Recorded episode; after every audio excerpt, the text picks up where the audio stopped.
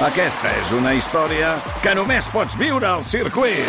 24, 25 i 26 de maig. Gran premi Monster Energy de MotoGP al circuit de Barcelona, Catalunya. Compra ja les teves entrades a circuit.cat. Viu-ho! I perquè entrem en el món de l'ultrasports, dins del superesports, amb la Gemma Montero. La Gemma, bona tarda. Hola, Xavi. Avui, déu nhi eh? Mitja marató Barcelona, marató de Sevilla, i hem de començar per aquí, per aquesta Sevilla, la Zurich Marató Sevillana, perquè la, el Campionat d'Espanya de Marató hem tingut notícies eh, grosses en el panorama català. Expliquem què ha passat a Sevilla. Gemma. Home, era una marató important com a Campionat d'Espanya de cara als Jocs de París. Els guanyadors eh, no, no és el més important de la prova, però són l'etíop Gadisha Birhanushumi i la caniana Jacqueline Chelal.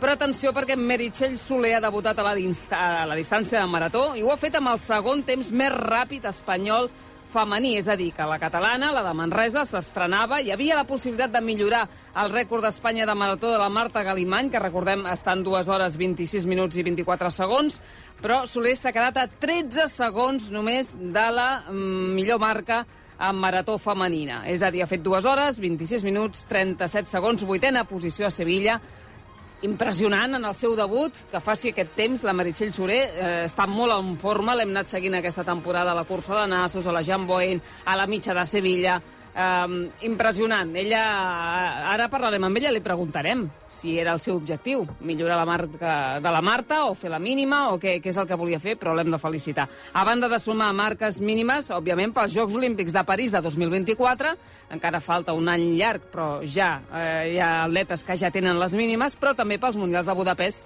que es faran aquest mes d'agost del 2023. Doncs un diumenge feliç a Sevilla de la Meritxell Soler, que podem eh, saludar. Hora, Meritxell, bona tarda. Bona tarda, gràcies. D'això se'n diu un debut eh, impressionant, eh, amb, aquesta, amb aquest gairebé rècord, segon eh, millor marca de marató espanyol en categoria femenina.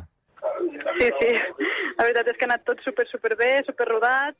Uh, sí que tenia en ment que ho podia fer, però fins que no ho fas, no t'ho creus. No tenies el rècord en ment, perquè tothom, sabent que ara has fet la segona millor marca espanyola darrere de la Marta Calimany, tothom pensa, home, s'ha estat preparant per batre el rècord, i potser no és així. Sí, no, realment molta gent m'ha dit, ai, t'has quedat ben a prop, però jo no, el rècord no el tenia gens, gens, gens en ment. Jo volia anar assegurar la mínima per l'Olimpiada, que era el que m'interessava, i sí que és veritat que al passar potser a la mitja amb hora 13 pelats, donava la sensació que anava a buscar el rècord, però ha sigut perquè ens hem accelerat un palet al principi, llavors hem regulat i, i hem passat una mica més ràpid del previst, però en cap moment tenia el rècord en ment. Volia anar a assegurar la mínima i mira, ha sortit bé. Doncs la mínima la tens a la, a la butxaca. Potser has pecat una miqueta d'això, de, del que li passa a molta gent quan debuta una marató, no? de córrer una miqueta massa al principi. Sí, sí, sí, sí. Mira que no m'he passat gaire, eh? al final és un segon al quilòmetre, però sí, va sumant, sumant, sumant, i, i al final eh, aquest segon es converteix en, en això, en 20 segons, no? Però al final després hem, hem regulat molt bé i a més a més m'he notat en força al final, vull dir que uh, jo crec que hem portat un bon ritme. I Sevilla té un gran circuit per, per anar a provar això, precisament, oi? Sí, l'any passat ja vaig fer la mitja, em va encantar, encantar, encantar. Vaig fer marca allà i, i tenia clar que si havia de debutar a algun lloc havia de ser Sevilla. T'hem vist guanyar la Jean Boyne, la cursa de Nassos, havies preparat a consciència, no? Durant el mes de gener suposo que amb tirades més llargues aquesta marató? Sí, l'objectiu final era la marató, era, era avui, tota la resta eren, bueno, al final quan estàs en forma doncs s'ha d'aprofitar em va sortir també això, marca personal de 10 quilòmetres, a la mitja em vaig quedar molt a propet, i al final és del que diuen, no? que quan estàs també en forma, al final qualsevol prova també la pots fer bé. Et fa de llebre l'Abel Casalí, que també és la teva parella, suposo que també content amb el seu tant per cent de, de, de mèrit que, que ha de tenir avui, no? Sí, sí, sí, sí, supercontent, supercontent. Ell uh, feia la seva preparació de mitja, que era el seu objectiu, va córrer fa tres setmanes a Sevilla, i, i com a favor doncs, em, em va tirar a mi aquesta marató que sense preparar-la gaire vull dir que ell està supercontent també per mi.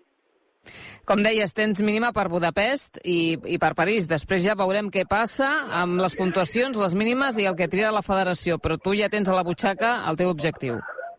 Exacte, la mínima és una cosa que l'has de fer sí o sí i que és el primer pas. Llavors, al final, com que hi van tres de cada país i tot, doncs poden passar moltes coses. De moment només som dues amb la mínima, però sí que és veritat doncs, que pot passar qualsevol cosa, però el primer pas el tenim fet, l'important.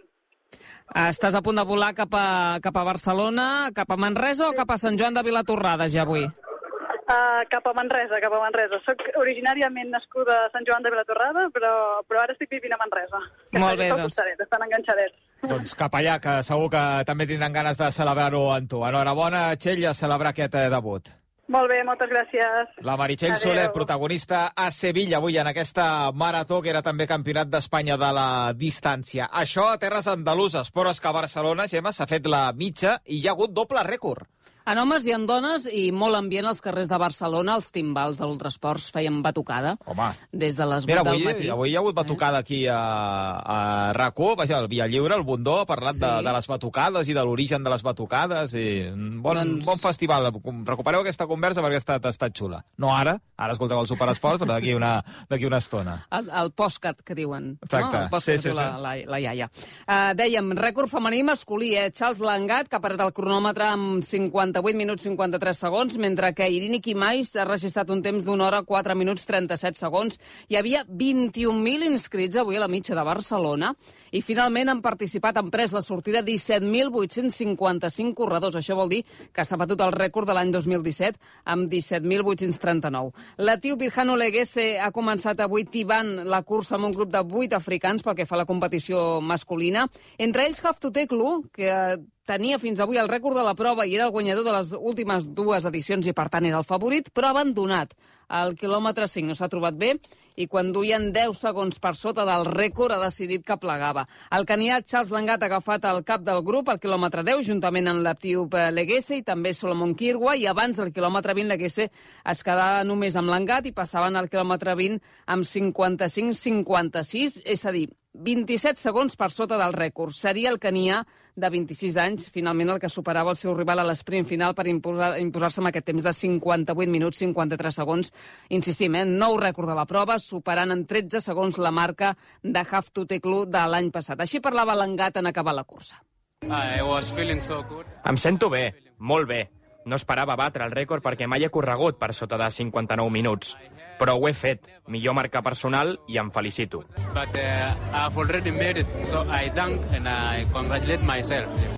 L'etíop Birhanu Legués ha estat segon a 4 segons i el canià Solomon Kirba tercer a 35 segons. I a la cursa femenina, la caniana Gladys eh, Chepkirui ha encapçalat la, la, la prova al capdavant d'un grup de 8 corredores passant pel quilòmetre 5 amb 18 segons per sota del rècord vigent amb la seva compatriota Joycelyn Jekosgei i l'etíop Genzebe Dibaba, que era també la gran favorita sisena en aquell moment. Chepkirui ha continuat liderant la prova al quilòmetre 10 amb 24 segons per sota del rècord i aquí Jeb Kosgei ha fet un intent d'atacar, però també ho ha fet Irini Kimais, eh, de 24 anys, que ha dominat ja al final de la prova i ha aturat el temps de 1 hora, 4 minuts, 37 segons. Això vol dir que ha rebaixat eh, la seva marca personal en 2 minuts, però sobretot ha rebaixat en 32, seg- eh, 32 segons la marca de Florence Kiplagat de l'any 2015. És a dir, 8 anys després, la mitja marató de Barcelona per fi pot dir que té un nou rècord a les cames eh, d'Irini Kimais. Now I'm good. Em trobo bé, he fet la meva millor marca personal i estic agraïda de poder haver estat avui a For Barcelona. being given opportunity to come to Barcelona. Joycelyn Jekosgei ha estat segona a 7 segons i Catherine eh, Relin Amanmol, de 20 anys, tercera, 1 minut i 2 segons. El director de la cursa, que és el Mauro Llorenç, tenia poca veu ja a les 11 del matí. Mauro Llorenç, bon dia i felicitats. Bon dia, moltes gràcies. No estàs afònic, eh, encara? Una miqueta, una miqueta. He perdut la veu, a poc a poc. Dos rècords avui, eh?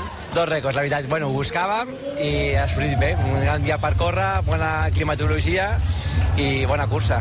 Bueno, sobretot el femení, el de la Florence Kiplegat, semblava que estava gravat en foc aquí a Barcelona i avui més de 30 segons. La veritat és que sí, portàvem molt temps intentant batre'l, des del 2015 que no baixàvem aquest rècord.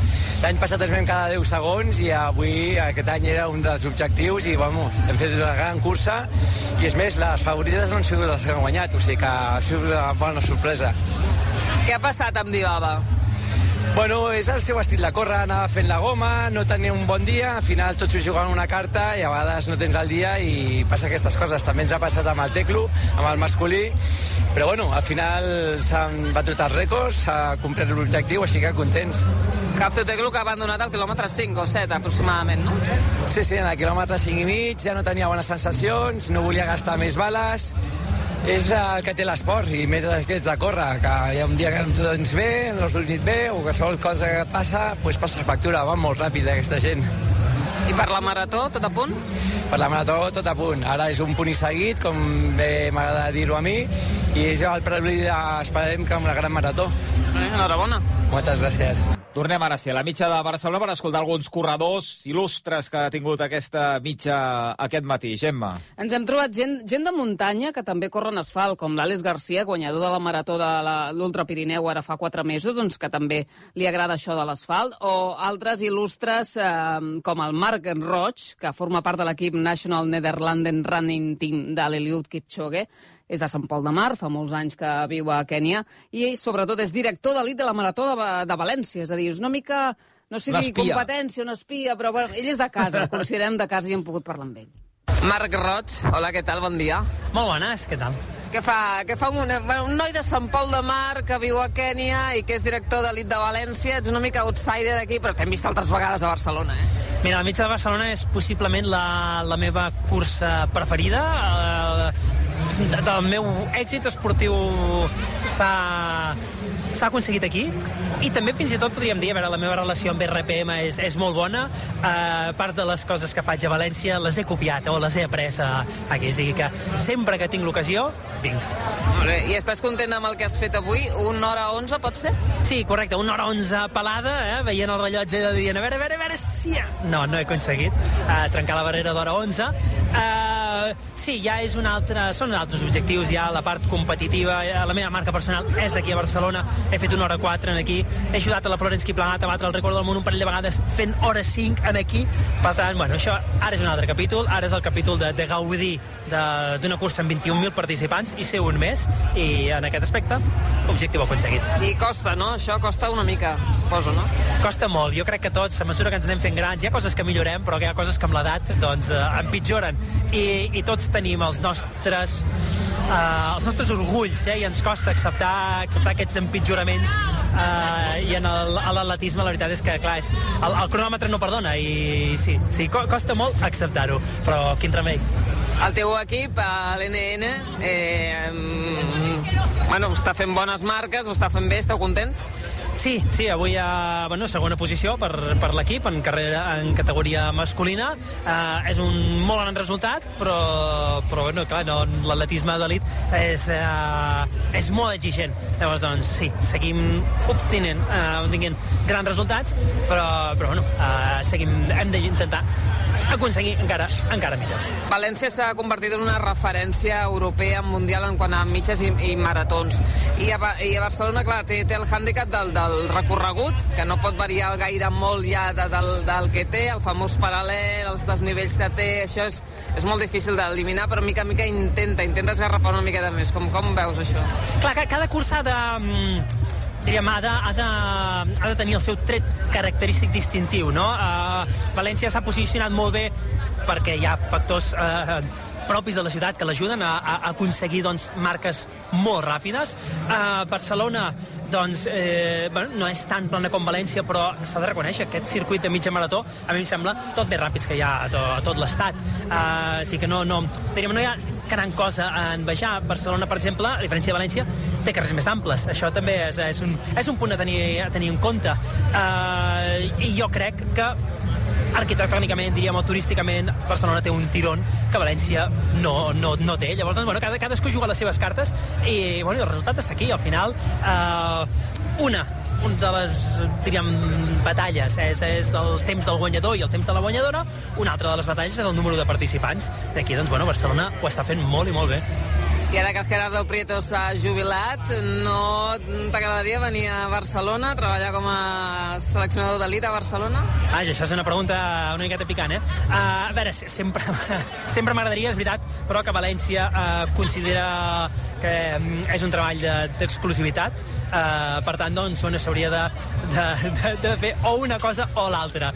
Uh, estic obert a escoltar propostes, no, però per suposat uh, València ha apostat molt per mi uh, quan jo no era ningú en aquest, en aquest sector i, i els hi dec molt. Bueno, et veurem com a corredor, en tot cas. Això sempre, sí, sí, sí. De fet, eh, tant per les coses que puc aprendre, diríem ara que ja no sóc tan elit, no? ja que sóc una mica superelit, o diríem, o dels populars una mica de ràpids, doncs hi ha moltes coses que es poden aprendre, eh, i a part és que, és que m'agrada moltíssim. Llavors, doncs sí, tot sempre que tinc oportunitat, l'any passat vaig estar a la Marató de Chicago, aquest any doncs, bueno, ja estic buscant a veure si aquesta primavera faré alguna marató, encara no sé quina, però m'agradaria fer-ne alguna, eh, si, si ho aconsegueixo, doncs sí, vull dir, jo, pitrall, pitrall a sobre, sempre que pugui. Molt bé, gràcies, Marc. Vale, moltes gràcies a vosaltres. Bon lema de vida, aquest, eh? Pitrall a sobre sempre que, que pugui, que em acabava Marc Roig, eh, sense voler entrar en aquesta possibilitat de canviar València per Barcelona com a director d'elit de la Marató i passar de terres valencianes a terres eh, catalanes. Sempre és un home que desprèn l'alegria quan l'escoltes. Sí. Té aquesta manera d'expressar-se Una sempre... passió. Molt, sí, Sí, molt, sí. molt apassionada, molt... i que es fa, es fa agraït d'escoltar, eh, i això està bé, amb, eh, amb els protagonistes. Qui més hem eh, tingut avui a la Marató de Barcelona, Gemma? Mira, per exemple, l'Àlex Roca, que, que és aquest noi amb un 77% eh, de discapacitat que s'està preparant per fer la marató, vol ser la primera persona amb la seva condició que fa una marató i que l'acaba. Avui ha fet la mitja, acompanyat del Valentí San Juan, que són molt amics. Ho ha fet en 2 hores 40 minuts 55 segons, i la, i la Mari Carmen, la seva dona, que també ha corregut amb ell. Aleix Pariser.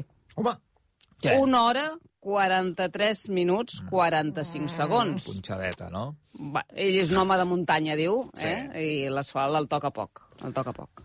Eh. Va, sembla Diego Martínez amb les escoltes. Aleix, Aleix Pariser. Doncs dos minuts per sota de l'Eix Pariser hem vist Salvador Illa. Per sota? Per sota. Ui, ui, ui. Sí, sí, sí, sí, això ho, hem, ho haurem de valorar com cal, el tu diràs, potser. Duríssim. Si hi ha temps avui, no ho sé. Segurament no hi haurà temps, no sé per què em diu el nas que no hi haurà temps. Però Salvador Illa, líder del PSC, recordem que va debutar en una marató a València, Uh, i mitges n'ha fet unes quantes ja, no és la primera que feia. I corria al costat del regió d'Esports de Barcelona, David Escudé, que porta també unes quantes mitges i unes quantes maratons. Els dos han anat de, de bracet. Eh, Senyor Illa, enhorabona eh, per ser finisher, per haver acabat una mitja marató. Moltes gràcies. La veritat és que he disfrutat molt la cursa, no, no havia fet mai la mitja marató de Barcelona i hi ha molts participants, molta gent al carrer, un itinerari molt bonic, no? I un, i un dia amb una temperatura també ideal per córrer. Ho, he- ho he disfrutat molt. Però no és la seva primera mitja.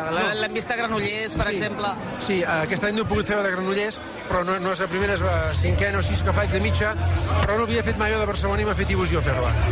I de la marca està content? Sí, m'havia proposat baixar d'un 40, si podia, eh? Tampoc no... I, bueno, ha pogut ser i, per tant, també, també estic content. He fet una cursa que ha anat com, com m'havia imaginat que aniria, vamos. Vostè eh, sempre ha dit que, que els entrenaments que fa, els, eh, o sigui, el running li permet adaptar, no?, una mica la, els moments d'entrenament, les hores de la seva feina, que ha de ser complicat, això. Sí, bueno, és un, una, un esport que en aquest sentit té molta flexibilitat. Necessites unes bambes i, i, i no, a ningú més, diguem i carrer per córrer, no? I per tant ho puc adaptar eh, a les meves exigències d'horaris. Ho faig sempre al matí, primera hora, i em va molt bé. La veritat és que em trobo molt bé, no només físicament va bé, sinó també psicològicament, no? Perquè t'obliga a una disciplina d'entrenament que està molt bé. I s'animarà a fer la Marató de Barcelona? Sí, sí, tinc previst fer-la, si no passa res, és dir, si no hi ha cap imprevist, doncs m'agradarà fer-la, i de fet eh, la mitja ja, aquesta que he fet avui és una mica una preparació per la, per la marató del dia de Sant Josep. Que no serà la primera, no? De marató no, em vaig, fer, em vaig debutar a València al mes de desembre i aquesta seria la segona. I per ser la de casa és especial, no? Doncs sí, eh, sempre hi, ha un... És, és diferent fer la, de Barcelona, no? Em fa il·lusió fer-la, bueno, a veure, a veure si arribo en condicions i la puc eh, fer, acabar i disfrutar. Eh? Des de quan eh, corre? Ho havia fet, havia deixat, però amb regularitat des del 2018. Eh? I durant la pandèmia, naturalment, vaig haver d'interrompre i llavors vaig tornar a agafar el ritme. Quan vaig tornar aquí a Barcelona, a Catalunya, doncs vaig tornar a agafar el ritme i ja l'he mantingut bastant, bastant estable. Però durant la pandèmia em sembla que la Moncloa li servia també de, de camp d'entrenament. Quan es podia sortir, eh, doncs allà per allà feia també una mica d'esport, però no ho podia fer amb la regularitat que ho faig ara, no? perquè va, va ser més complicat. No? Però ara, des que he tornat aquí, ho he fet amb bastanta regularitat i estic content. I amb ganes. Sí, amb ganes perquè em senta bé, de moment em senta bé. Eh? Doncs enhorabona. Moltes gràcies, un plaer. Salvador Illa, primer secretari del PSC, al micròfon de la Gemma Montero, avui en condició de runner, eh, fent sí. aquesta mitja marató, superant l'Eix Pariser a la línia d'arribada en més de dos minuts i, a més, eh, aconseguint el repte personal que s'havia marcat de baixar de l'hora 40 en aquesta mitja. Bé, Ens ha fet una proposta, un repte que no sé, diu que per què, no- a veure si enredem Basté per córrer, Sí. per Ui. fer una mitja per córrer. Sí. Jo he dit que per una marató. Dic, sí, sí, de sèrie sí, una marató de sèrie sí, però una marató de sabatilles i d'asfalt o de muntanya no, no, ho veig, no ho veig clar. No, no, si no fa la de rac que són 5 Clar, quilòmetres, no. una mitja o una marató, el Basté deixa el que ja... Mai no és tard, que que diu un pogurull, però mm, no ho sé, diria que no. Qui han estat els millors catalans en aquesta mitja? Doncs la Mireia Guarner en dones amb una hora 13 minuts 33 segons i Nasser Ugelfen de Reus, 15 a la general, una hora 2 minuts i 51 segons. Podem escoltar el Nasser. Bueno, enhorabuena. Eh, gracias. Mira. ¿Te puedo llamar Abde? Abde Eh, como... Nasser. Nasser, venga. Enhorabuena, Nasser. Muchísimas gracias, gracias. ¿Contento con tu tiempo de hoy? Sí, la verdad que sí. Mira, eh, hoy era mi primera media, debutaba aquí. Ya estaba buscando, no sé, yo a tiempo buscando alguna media y tal, pero hoy sí que era el día más o menos para debutar y muy contento, eh, que he bajado de, de, de una hora tres. Creo que hice dos o, una hora 2.40 y algo, me parece, y no sé. Y muy contento, la verdad. Eh, bueno, te- he tenido el día un poquito mal por, por llegar aquí y tampoco tenía el amigo medio dorsal ahí. Al final, que me tienen, gracias a una, a una responsabilidad ahí, que he intentado buscar algún dorsal y me ha dado un dorsal. Me he, corrido, he competido con un dorsal que, que, a menos ya- que puedo decir que tengo marca, que he hecho marca personal. Bueno, has hecho lo que has podido entonces, ¿eh? Sí, la verdad que sí. Mira, buscaba correr un poquito más rápido. A menos bajar, intentar bajar de una hora a dos. Pero bueno, eh, con esta marca muy contento. ¿De dónde vienes? ¿De qué, qué estás haciendo últimamente? ¿Qué has hecho? Eh, mira, estaba preparando el cross y toda la pretemporada hice el cross y muy contento con mi con mis con mis permisos en los crosses y he podido hacer eh, una, una programación de crosses muy muy buena y la verdad que muy contento. ¿Y ahora qué te espera? Eh, campeonato de España de 10.000 en pista. Ahora toca un poco preparar pista a ver si... Bueno, de momento tengo pesado eso y he hablado con la entrenadora y yo creo que es, la, es el objetivo. Y si cambiamos, pues mira, intentar hacer, ya preparar alguna media más y intentar ya hacer alguna maratón de aquí más adelante. ¿Sigues entrenando en Reus? Eh, bueno, sigo combinando entre Reus y tal. En Reus no suelo entrenar mucho, entreno fuera de Reus, en un pueblo que se llama Vela Seca y que tenemos un Sí, al ladito. Sí, al ladito, que tenemos un buen parque ahí para entrenar. Y luego combinado con Velafranca, que es donde está mi entrenadora, María Carbó, que gracias a la María y que, que estoy aquí, que estoy disfrutando de este deporte y que estoy haciendo mi, una temporada grandísima y mira, espero disfrutar a lo máximo. ¿Cuántos años llevas aquí ya, Nasser? Exactamente 17 años, 18. Enhorabuena. Muchísimas gracias a vosotros y gracias por todo. Com dèiem, cap de setmana intens pel que fa als campionats, perquè hem tingut tres campionats eh, més. Campionat d'Espanya, per exemple, de pista coberta, d'atletisme, Gemma. Sí, a Gallur, en aquest cas a Madrid, amb la presència de 80 catalans, però en des eh, destacarem tres. La primera, la banyolina Esther Guerrero, eh, que s'ha proclamat campiona d'Espanya de 1.600 metres en pista coberta. S'ha imposat amb 4 minuts 10 segons 48 centèsimes. Ha començat a apretar quan faltaven 600 metres i ha acabat també sprintant els últims 200. També Adel Mechal, que és campió d'Espanya dels 3.000 en 7 minuts, 44 segons 15 centèsimes, mínima per Istanbul, del 2 al 5 de març. És a dir, el campionat eh, d'Europa de pista coberta, que podíem pensar que potser canviaria d'ubicació o de dates pel terratrèmol i les seves conseqüències, l'organització ha confirmat que es farà en les dates previstes, és a dir, d'aquí dues setmanes. I també la primera posició i mínima per l'europeu d'Istanbul de Jael Sakura Bestué en els 60 metres, en aquest cas. Hem tingut campionat d'Espanya de pujada vertical. Que no falti de res. En aquest cas, Miquel Corbera i Núria Gil, els dos catalans que s'han proclamat campions d'Espanya de trail running en la modalitat de pujada vertical al Campionat d'Espanya que s'ha fet a Ojos, a Múrcia. Per tant, els dos tenen plaça per començar a configurar ja la selecció espanyola pel Mundial, que es disputarà del 7 al 10 de juny, en aquest cas a Àustria. Jean Margarita ha estat segon i Eduard Hernández Teixidor, tercer. I hem tingut el Mundial de Cross Country a Bathurst, a Austràlia. Amb la presència de 22 atletes espanyols, que inclou els campions d'Espanya i medallistes internacionals en cross, pista i trail running. Mm, En aquest cas és un Mundial que es fa 4 anys després de l'Orhus, de 2019, per ajornament de, de la Covid. Són campions del món Beatriz Chevet, que ha guanyat a la meta l'Etesembet Guidei. Jo crec, Xavi, que és una de les imatges del cap de setmana, perquè Guidei ha tingut un defalliment, no ha pogut més, eh, ha caigut a terra quan faltaven 20 metres, només 20 metres per arribar a la meta i ha estat Chevet qui s'ha endut la victòria. I en homes, Jacob Kiplimo amb 29-17, segon l'etíop Aregawi amb 29-26 i tercer l'ugandès Cheptegei amb 29 minuts 37 segons. El millor espanyol i català ha estat Aaron de las Heras, el barceloní, que ha estat 22è. Abdesamado Gelfen ha estat 42è i Naima Aitalibut ha estat 45ena. Adam Major ha estat 11è amb l'equip espanyol de relleu mixta i Aleix Vives, en categoria sub-21, ha acabat 43è. Sí, realment aquesta imatge de Gidei és d'aquestes que posa els pèls de punta. També veu un defalliment en categoria masculina. Eh, realment les condicions no haurien ser les millors per fer aquest mm. Mundial a terres australianes, on ara eh, són a, a l'estiu, almenys en època més calorosa que no pas a, aquí, i segurament les condicions van provocar algun defalliment, com aquelles imatges que no ens agrada veure en cap eh, esport. Va, Glenn Miller, quan vulguis.